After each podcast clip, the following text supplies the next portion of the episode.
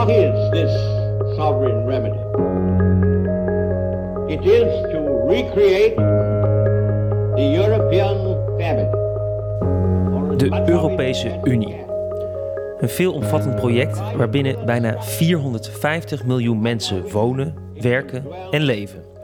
Ooit opgericht om samenwerking tussen landen te bevorderen met één doel: nooit meer oorlog. Zoals Churchill het zegt, een Verenigde Staten van Europa. We must build a kind of United States of Europe. In de laatste decennia heeft dat Europese idee zich sterk ontwikkeld.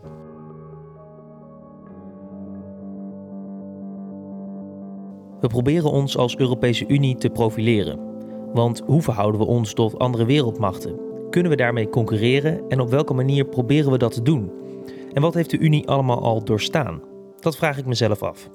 Want om te beginnen, er zijn de laatste jaren veel uitdagingen op ons pad gekomen, zoals migratie. Und die, das Motiv, in dem wir an diese Dinge herangehen, muss, sei, muss sein, wir haben so vieles geschafft, wir schaffen das. Wir schaffen das und wo uns etwas im Wege steht, muss es Of terrorisme, zoals in 2015 de aanslagen in onder andere Parijs. le pays doit prendre les décisions appropriées. C'est un acte de guerre qui a été commis par euh, une armée terroriste, Daesh, une armée djihadiste contre la France. Een jihadistisch leger tegen Frankrijk, maar ook Europa, want later volgden aanslagen in Brussel en Londen. En naast uitdagingen is er ook kritiek, want zijn we te afhankelijk van de Verenigde Staten bijvoorbeeld? De NAVO bracht ons veiligheidsgaranties na de Tweede Wereldoorlog, maar we hebben ons jarenlang niet aan onze verplichting gehouden om 2% van ons BBP aan defensie uit te geven. Early in my term, I will also be requesting that all NATO nations promptly pay their bills, which many are not now doing. Tja, Donald Trump, die schudde de boel aardig op.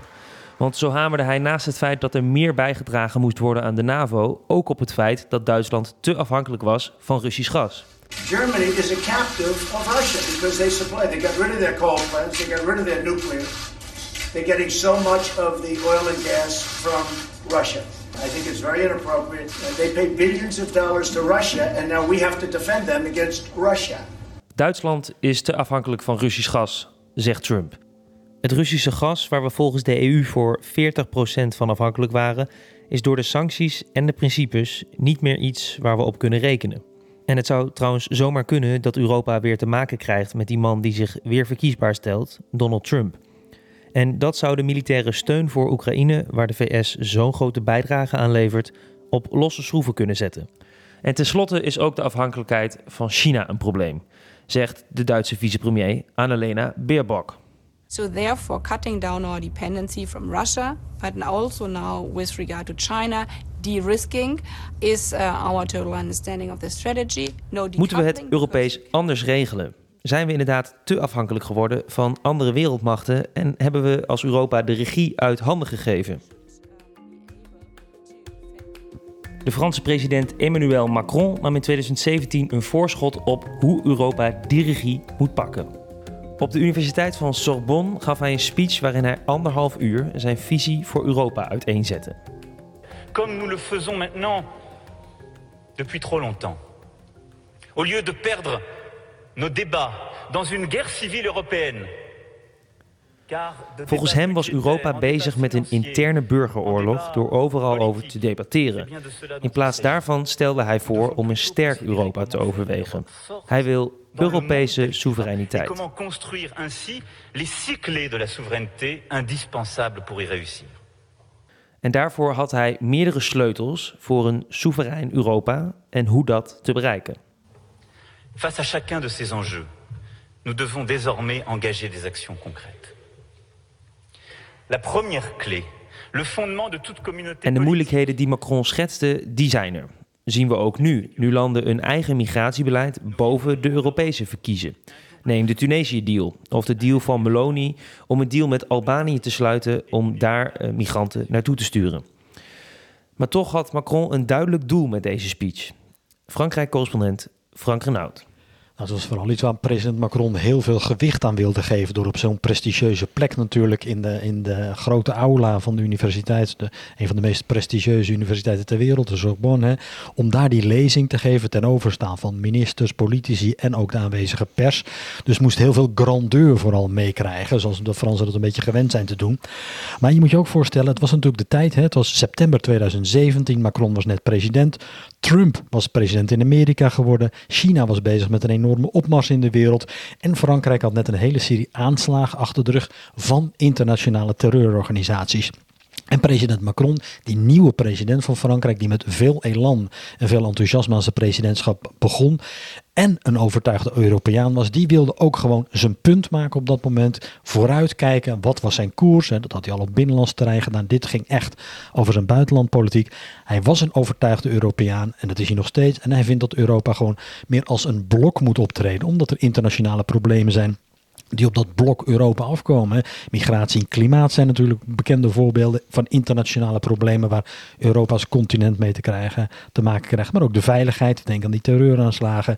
En dan was er natuurlijk ook het economische vraagstuk. Hè, want Frankrijk zag ook in de rol van Frankrijk als supermacht, als grootmacht, was aan het verzwakken. En als Europa een beetje zijn grandeur wilde houden, ja, dan zat er maar één ding op en dat is samenwerken. Ja, en eh, dan, dan kwam er ineens een term Europese soevereiniteit met, met, een paar principes. Uh, waarom hamert hij daar, daar zo op, op zo'n soevereiniteit? Nou, een beetje, dat heeft te maken, dat ligt in het verlengde van die Sorbonne-toespraak natuurlijk, omdat er uitdagingen op Europa afkomen die niet anders meer aangepakt kunnen worden door als Europa samen te werken en meer de handen in één te slaan.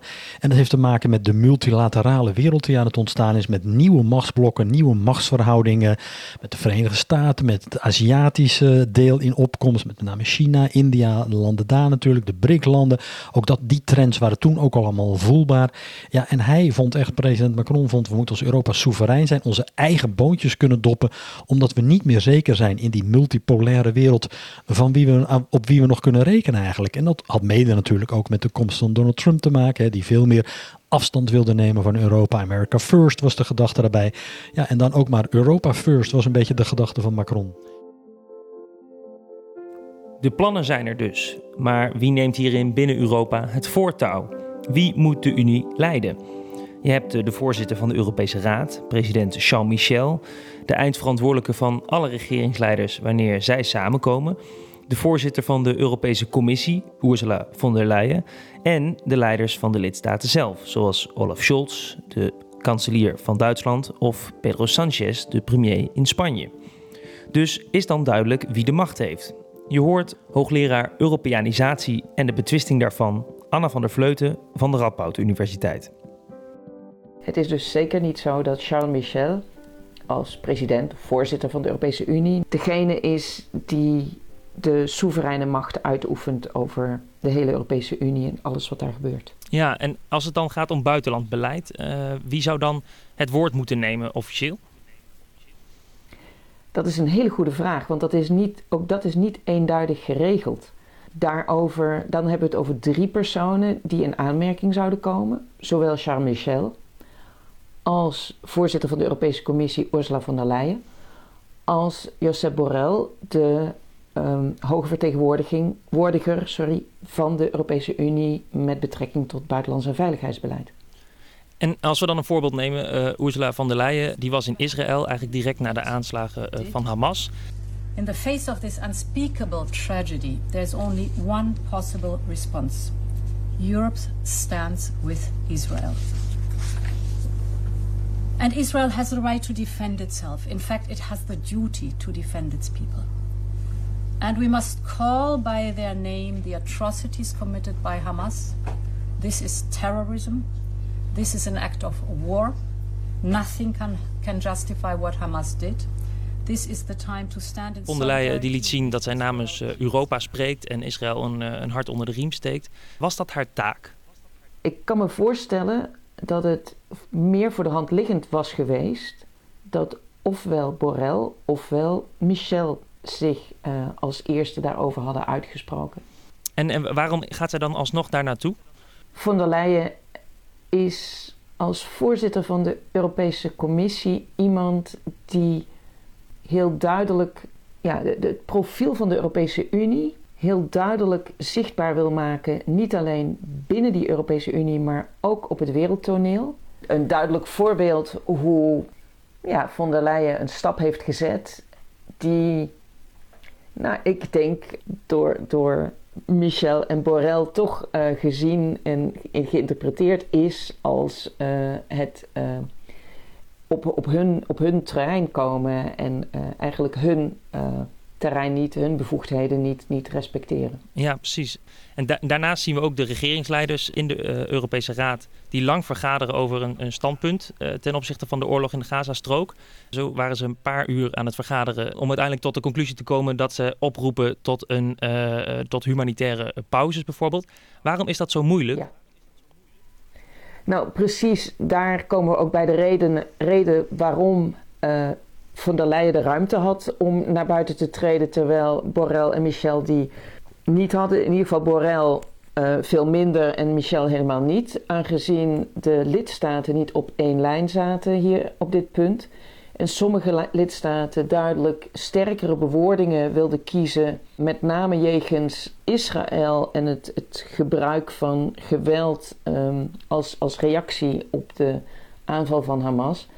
Uh, dus zij wilden sterker bewoordingen kiezen, terwijl andere lidstaten daar uh, vooral niet, geen steun aan gaven.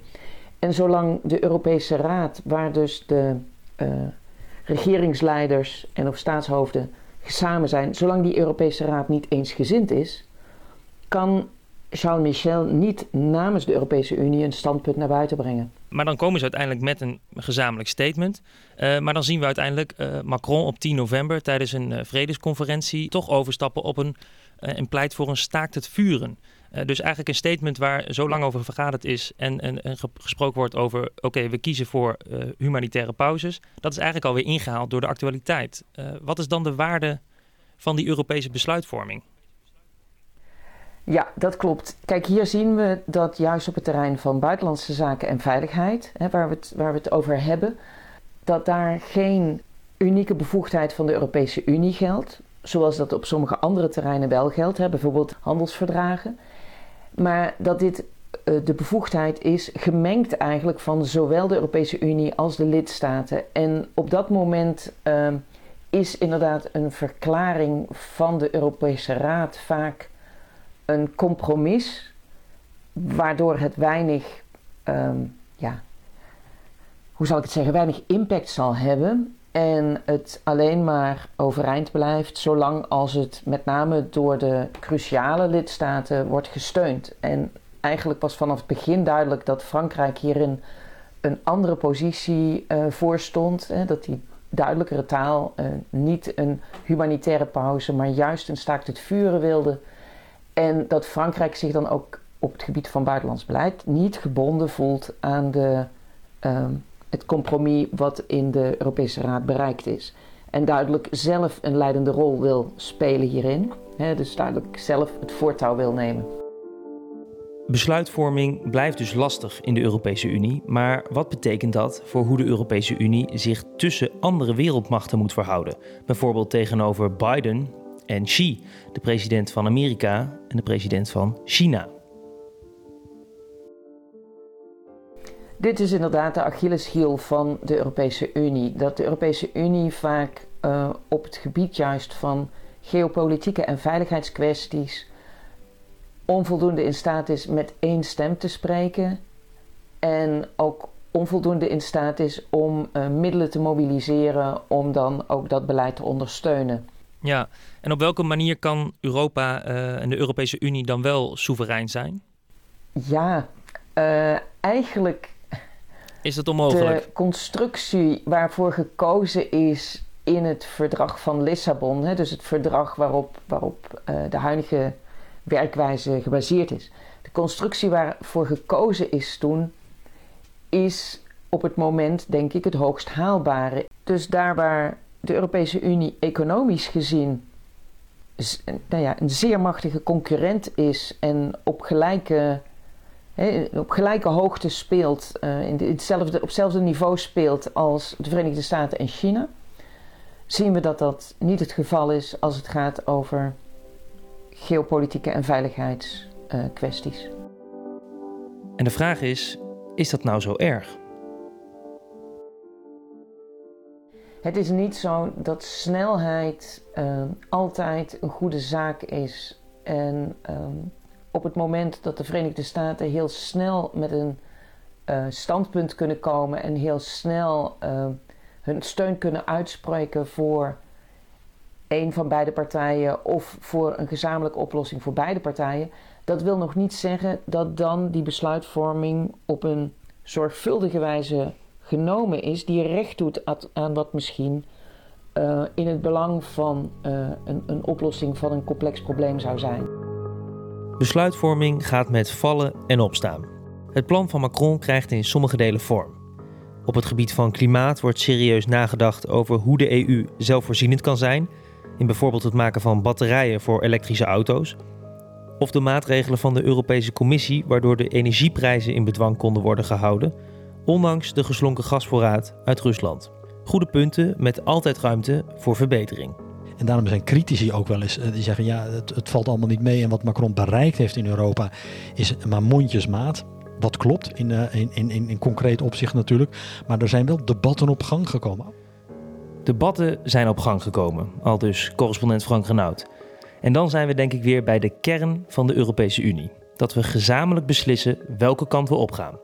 Vergaderen is onze kracht. Of dat nou snel of langzaam gaat. Mijn naam is Jesse Nijmeijer. Bedankt voor het luisteren.